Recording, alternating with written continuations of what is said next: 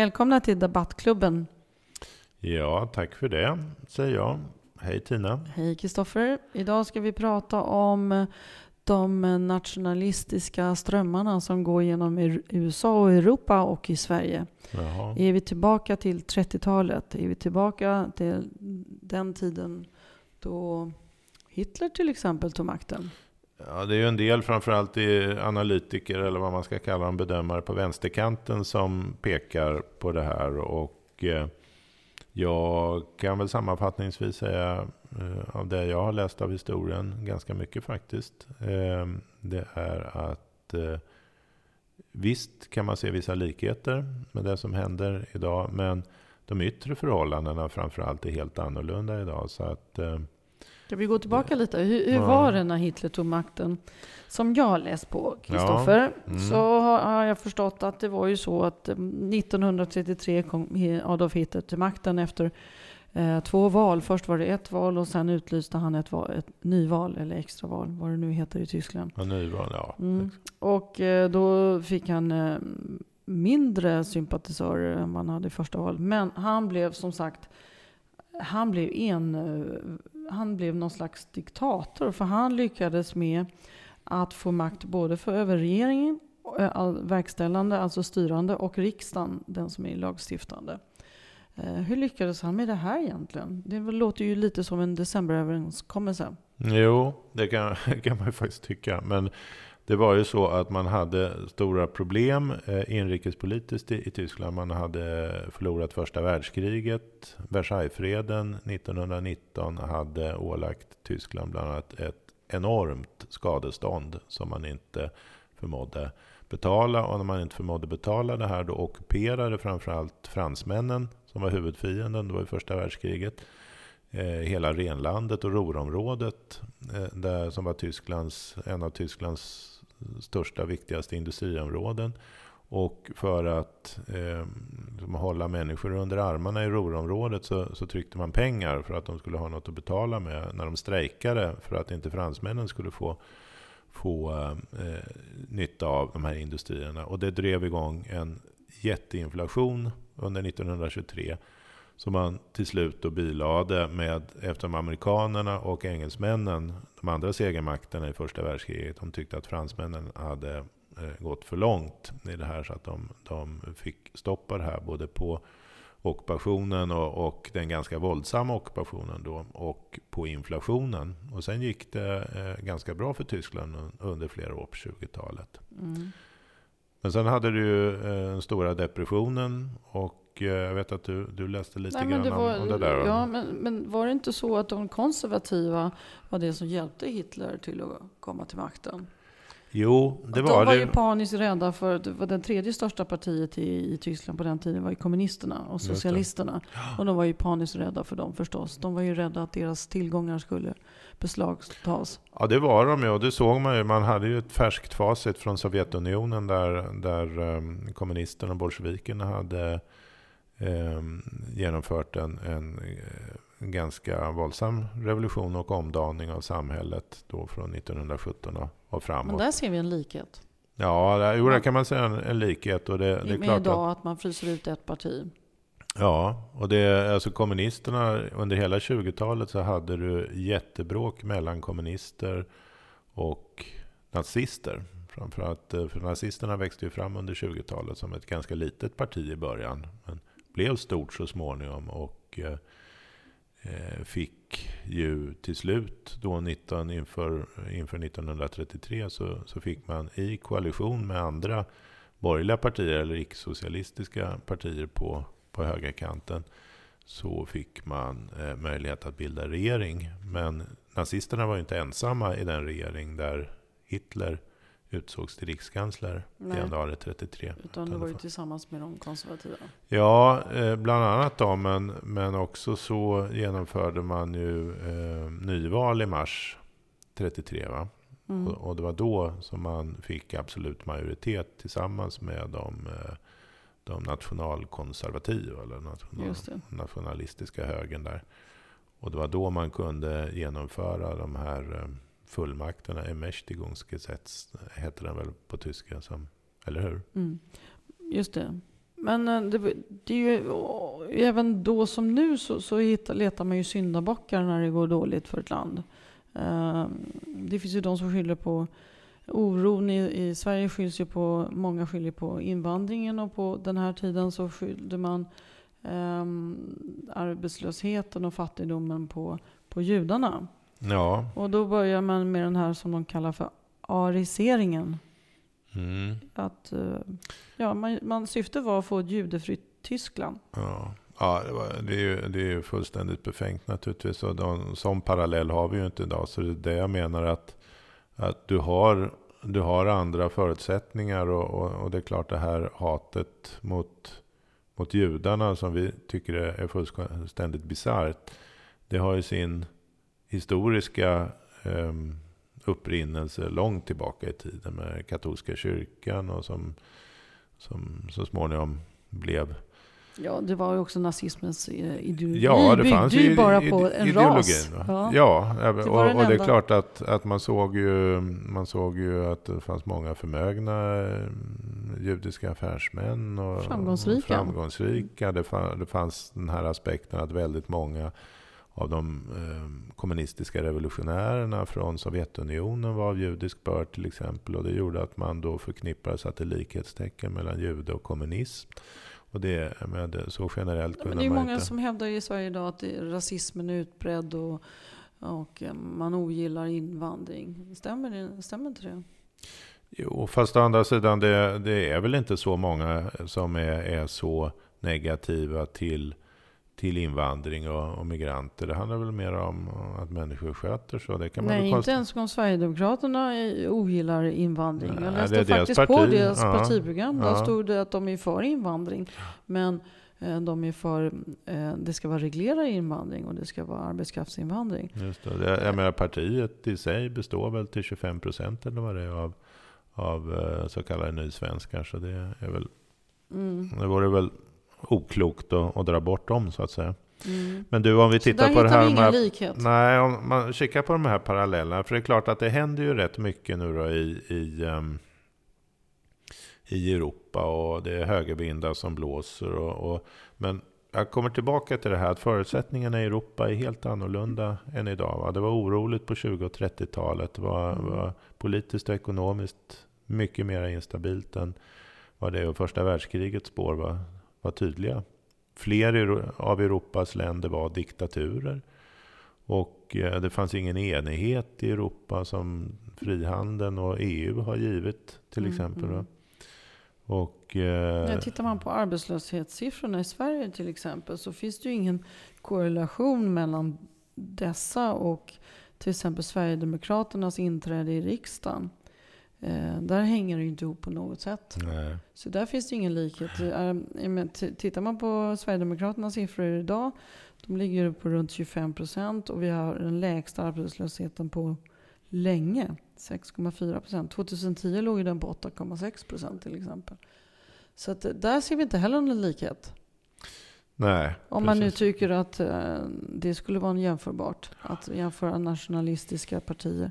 Men Nej, vad är ett nationalistiskt parti egentligen? Är det samma som det var då på 30-talet som det är idag?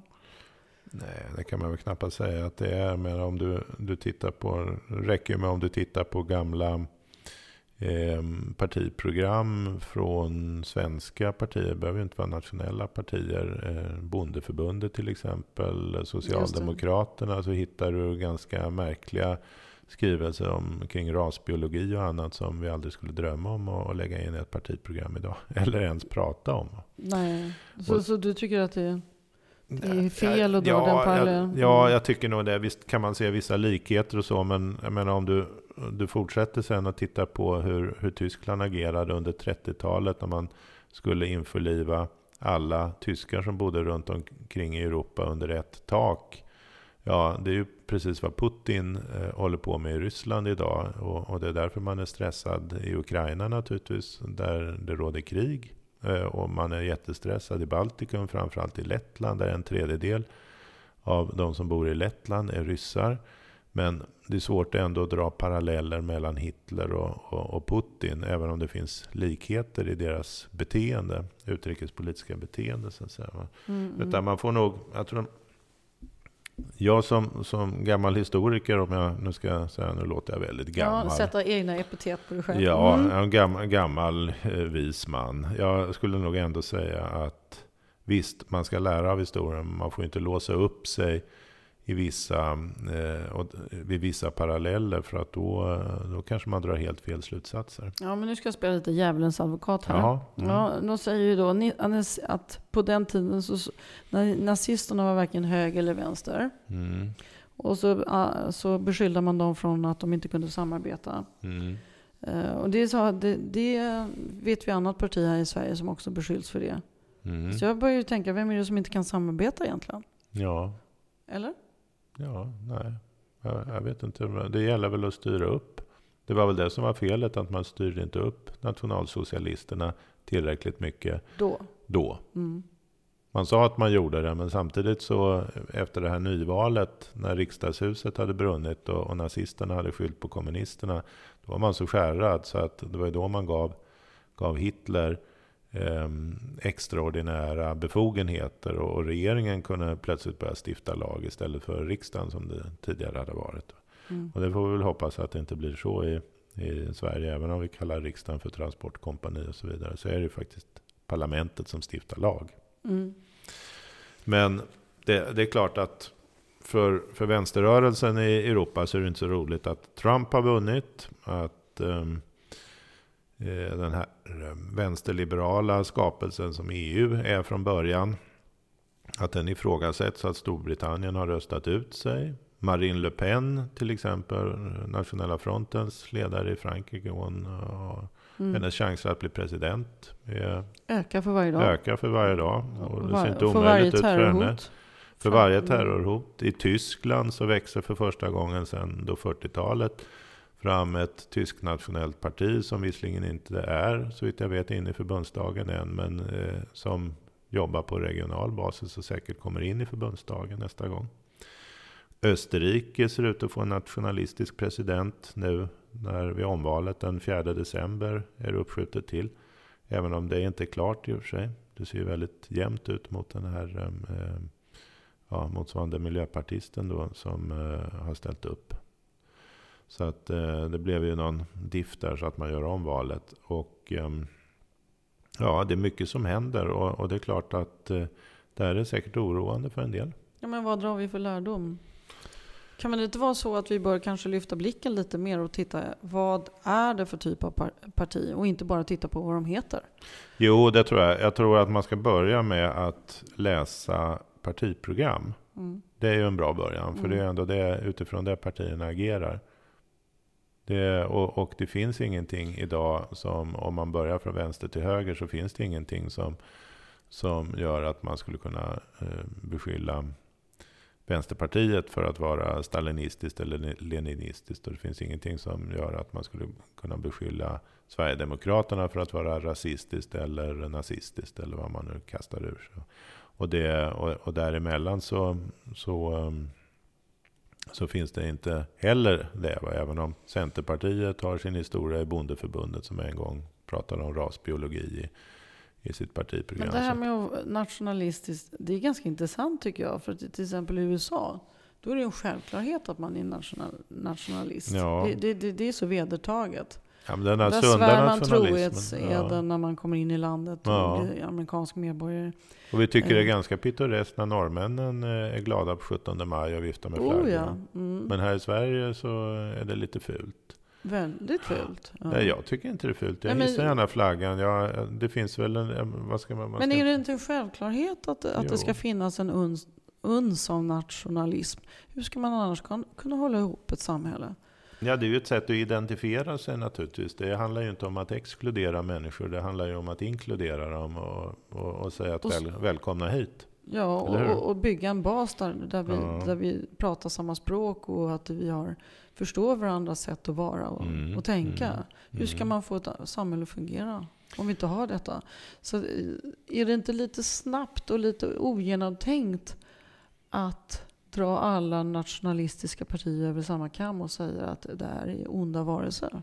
Jo, av många är det säkert ogenomtänkt. Andra har nog funderat igenom det därför att det, det, det finns ju ett motstånd mellan de här. Och, Ibland så kan man ju kanske hårdra det och säga att de som är mest lika varandra, de tycker det är jobbigast att samexistera, till exempel nazister och kommunister. Men nazismen är ju inte enbart ett nationalistiskt parti. De har ju rasideologin som, som grund. Ja, dessutom är de faktiskt ett, snarare ett, de har mer gemensamt med socialister och kommunister än med klassiska konservativa. På vad sätt då? Jo, det hör ju på namnet. Nazism eh, är ju... Rimmar på socialism? Nej, det är en sammandragning av nationalsocialism. Och det var vad man, eh, många av de här som startade fascistiska och nazistiska partier, de hade ju sin, sina rötter i socialismen en gång i tiden. Ah, det är därför de är så arga på Mussolini dem. var gammal eh, socialist till exempel. Så mm. det, de ligger ganska nära varandra. Men de, vad är det man säger? Dog eat dog. Dog eat dog? Dog eat dog. Det, du med dina ja, uttryck. Ja, Hunda, det, alltså hund det, äter hund. Revolutionen äter sina egna barn eller vad, vad man vill. Att det, ju närmare du ligger varandra desto, desto mer hatar du den andra. Så kan det vara. Så kan det vara. Det är ganska obehagligt, eh, men eh, så kan det vara. Men om man tittar då på de yttre förutsättningarna så skulle jag säga att det är, det är väldigt olikt idag. Mm. Vad spelade media för roll då och nu? För det är klart det fanns media då i form av flygblad och tidningar som kanske var en eller två dagar gamla innan ja, de kom, nådde sina läsare. Ja, men... de kom Ja, de kom nog ganska snabbt i och för sig många gånger. Och radiosändningarna började ju komma på 20-talet. Men det var väl inte riktigt utvecklat än så. Men det är klart att, att idag har du en, en helt annan mediebild med sociala medier. Och, men är det inte så att media har ett större ansvar idag än, än, än då? Med tanke på att den är jo, så viktig moment i varje människas vardag. Ja, fast den här liksom klassiska media som du och jag är uppvuxna med, med mm. tidningar och och radio och tv, det står ju för en så liten del av informationsinhämtandet idag egentligen. Utan du har ju var och varannan är debattör och, ledarskribent ute på Facebook eller vad det nu jo, eller sitter men idag så, idag så tenderar ju människor att läsa det man vill läsa. Det som bara berättigar det man tror på. Vilket gör att du mer och mer blir eh, polariserad. Mm. Alltså grupper blir polariserade ja, mot varandra. Ja. För att man tenderar inte få inblick i vad andra tycker.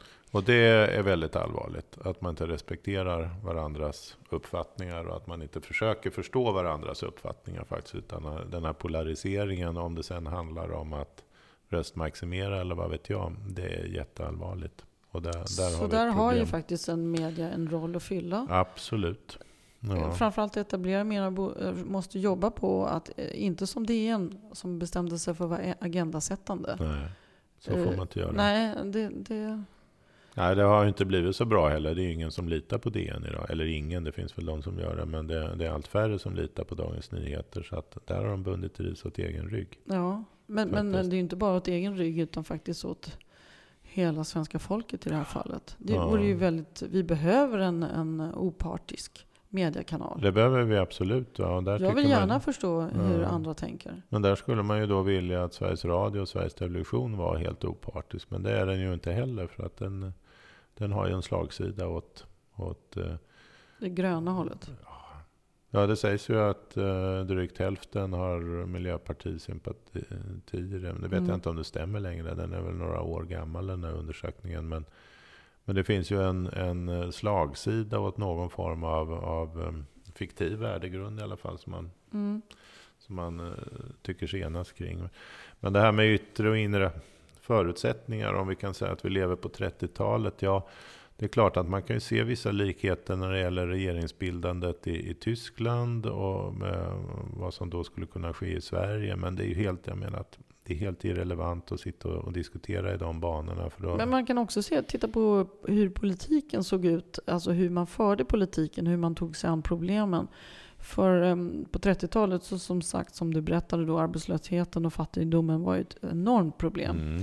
Uh, och hur, hur hade då Hitler tänkt lösa det här? Jo, han tänkte ju lösa det genom att staten skulle gå in och, och göra stora investeringar med jobbskapande åtgärder. Mm. Det uttrycket känner vi igen. Ja. Han byggde ju motorvägar, arrangerade OS och byggde upp armén. Eh, det är, en klassisk socialdemokrati skulle man kunna säga. Ja, ja. det känner vi igen från idag. Ja. och det går ju igen på, på många sätt. Det var ju så man gjorde då när eh, demokraten eh, eh, Franklin Roosevelt tillträdde 1932-33 så startade han någonting som hette The New Deal som var ett större statligt ingripande i den amerikanska ekonomin för att få, få igång människor och få igång ekonomin igen. Vi har en brittisk nationalekonomen Keynes på 30-talet som har präglat ja, socialdemokratin i hela Europa och världen ända fram till våra dagar egentligen med det här med, med statliga, eh, statliga subventioner och statliga ingrepp i, i eh, ekonomin. Va? Det hade man, man hade inte det på samma sätt innan egentligen. Så att det, det, är ju ingenting som var unikt vare sig för, för Hitler eller Socialdemokraterna. Utan det var liksom tidens anda. Det var ett sätt att få igång, få igång landet och människor. Mm. Medan andra tyckte att, att eh, ekonomin får sköta sig själv. Marknadskrafterna får styra. Får styra. Ja, Men det vann inget gehör bland folket. Jag tycker, det är många som tycker fortfarande. Jag tror att man måste nog alltid ha en balans i det. I vissa under vissa tider så är det kanske bättre att marknadskrafterna styr. Under andra tider så måste man ha ett visst statligt ingripande. Men på den tiden så rådde ju en, en libertansk, eh, vad ska jag säga, ja, alltså, tongångarna var ju väldigt populära från, den mm. på, mm. från USA från mm. den tiden. Men mm. det var ju också den som, det visade sig att det gav inte så gott resultat. Eh, men det är klart man kan se likheter, men det är som du säger att man måste sätta det i sitt sammanhang. Ja, det måste man göra. Mm. Vi har ju, det är klart att vi har ju en, vi har ett problem idag och vi har... Um... Men hur ska man ta lärdom av historien?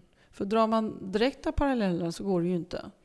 Nej, men man, man kan väl titta på vad som hände och sen så kan man försöka kika på de yttre förutsättningarna också. Och vad, vad vi har för bromsfunktioner idag som man mm. inte hade på 30-talet till exempel. Nej, och man bör bevara bromsfunktionerna. Till exempel att riksdagen ska ha den makten som det är tänkt att riksdagen ska ha. Ja, det här med är att inte det en vettig bromsfunktion? Jo, och att lämna över till till äh, lämna över all makten till en äh, diktator i princip. Det var ju ingenting nytt. Det gjorde man i kristider redan under en romersk tid. Mm. Och, och, det tyckte man väl var ett bra sätt. Eh, jag kan väl, du och jag ifrågasätter det naturligtvis. Men, men det var inget, inget nytt och inget unikt för den tid som rådde på 20-30-talet. Idag skulle vi inte göra det, utan idag så lämnar inte parlamentet ifrån sig sin lagstiftande, äh, sin lagstiftande funktion. Ja, det, Eller? det är väl tveksamt. Ja, det kanske det är så. Inte. Många pratar ju om att riksdagen är ett transportkompani för regeringen, så det har de kanske mm. redan gjort. Men proforma ja. har de ju inte gjort i alla fall. Nej, nej. men i praktiken? Nej, och samtidigt så är det, ju, är det ju också så att visst, ekonomierna går bra i, och vi har högkonjunktur i, i Sverige och delar av övriga Europa. Va? Men vi har också frågetecken. Vi har eh, en säkerhets, in, inrikes och utrikespolitiska frågetecken kring vår säkerhet. Vi har eh, ökande kriminalitet i storstäderna. Vi har gangstergängar i Göteborg, och Stockholm och Malmö som polisen inte verkar rå på. Och vi har ganska länge sett autonoma grupper ute på vänsterkanten som opponerar sig med våld mot det demokratiska samhället. Och nu börjar också grupper på yttersta högerkanten bli flera. Så att um, det, visst finns det orosmoment som kan påminna om 30-talet. Men samtidigt så är det ju så att de demokratiska partierna, och inte minst de demokratiska borgerliga och högerpartier som agerar idag, de är ju betydligt mer avslipande än de som fanns direkt efter första världskriget. Mm. Så du, summa summarum, du är inte orolig att vi befinner oss i en tid som är jämförbart med 30-talet? Nej, jag är, är orolig för andra saker. Inte just för det faktiskt, men jag är orolig Eh, faktiskt för att vi inte kommer att kunna hantera vår yttre och inre säkerhet därför att vi är för, för långsamma i att fatta beslut och, men, och, och okunniga framförallt. Men, på sätt, men ibland är det bra att det går lite långsamt inom politiken. Man det, ska, det ska finnas en tröghet tycker jag. Ja, Annars det kan det ju fattas dumma felaktiga beslut. Man river ja. hus till exempel för fort eller man ja. bygger för fort. Ja, jag håller med dig. Vissa, vissa frågor ska tröskas men det är klart att det handlar det om kris och krig, då måste man fatta snabba beslut. Nu kommer jag in på mitt favoritområde. Kris och krig? Ja, nej, jag ska inte säga det favoritområde, men det är, ibland så, så tänker man på det. Det är närliggande. Att, ja, närliggande. Mm. Jag tänker många gånger på det, att, att vi är kanske för långsamma ibland när det gäller vissa beslut. Men jag tror att det här med parallellerna till 30-talet de behöver inte vara överdrivet oroliga för. Men man ska lära Vi av ha- historien. Vi hade ju inte EU heller på den tiden. Vi hade inte EU. EU faktiskt får Ja, man vi hade säga vad man vill om FN. EU. Ja, FN kanske inte så. Nej, så kanske inte, men man pratade med, man hade Nationernas förbund, men där Nej, men fick i, vissa inte vara I och med. med att EU finns så finns det i alla fall ett incitament att hålla sams. För vi måste ju i alla fall handla varor med varandra. Ekonomin är Mm. ett jättebra eh, sätt att se till att folk inte krigar med varandra Mm. faktiskt. För Vi varför kan krigar inte bara man med käka sockerbetor i Sverige Nej. till exempel. Och, Och eh, potatis, potatis. Potatis, nej, nej, nej det kan vi inte göra. Vi måste handla. Och det är klart att om vi handlar med varandra, om vi kan få tag på det som vi faktiskt vill ha, då, ja, då behöver vi inte erövra områden för att odla det själva. Det var ju det som drev Hitler bland annat. Man har ont om vissa råvaror. Mm. Och så skulle man lägga under sig stora områden på andra länders bekostnader. Och det, eh, och det behöver vi inte göra idag, för vi handlar med varandra istället. Mm. Och egentligen så behöver Sovjetunionen, eller eh, Ryssland heter det idag, sedan många år tillbaka, behöver inte heller expandera som de gör. Eh, om det inte hade varit för att de ville ha en flottbas på, eh, eller säkra flottbasen som de redan hade på ukrainska Krim till exempel. Så Ja, de hade inte behövt det. Deras ekonomi är ju inte blomstrande precis. Nej, det är den Så inte. den frågan får vi nog lämna obesvarad för den här gången. För det är ett Ja. annat kapitel. Ja. Men vad tror du själv Tina? Det, känner du Eh, jämförbart det träff- orolig? med Känner träff- du dig orolig för det? Jämförbart att just den här frågan Mm. jämföra med 30-talet. Nej, det gör jag nog inte. Jag tycker, jag, jag, avs, jag tycker synd att det saknas en, en mer öppen analysförmåga att se på situationen och samhället, hur det ser ut idag. Ja, Jämfört med hur det såg ut då. jag tror man är för låst. Ja, man är för låst och man är, man är nästan lite rädd för... Man, den rädslan för att hamna i den situationen man gjorde på 30-talet, den skadar Mm. eh, och den hämmar. Och det är oftast rädslan som hämmar utveckling. Mm. Jo, det är så. Det, det blir en, eh, finns en fara i dröjsmålet också. Man kanske ska... Eftersom de, de yttre förutsättningarna och spärrfunktionen och så är helt annorlunda idag. Och sen, du kan inte jämföra de partier som sitter i svenska riksdagen med de som fanns ens i svenska riksdagen på 30-talet. Och ännu mindre med de som fanns i, i eh, Tyskland. Ja, det har vi pratat om tidigare i vårt Ja, kapitel som ja. heter eh, Lik i garderoben. Tror jag Ja, just Mm. det. Mm. Olika, det kan ni gå in och lyssna på.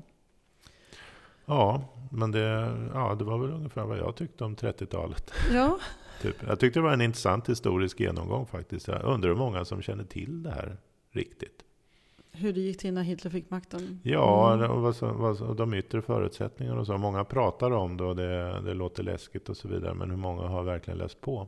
Nej, det Vad tror du? Nej, det tror jag inte. Inte så många. Nej, det tror Hoppas de har lärt sig lite av att lyssna på det här. Ja, han får trycka på eh, spolknappen, spola Ja, tillbaka. Lyssna ja. en gång till. Ja, vi hoppas det. Ja, Vi återkommer vi återkommer säkert med om det flera här. ämnen. Hej då så länge. Hej.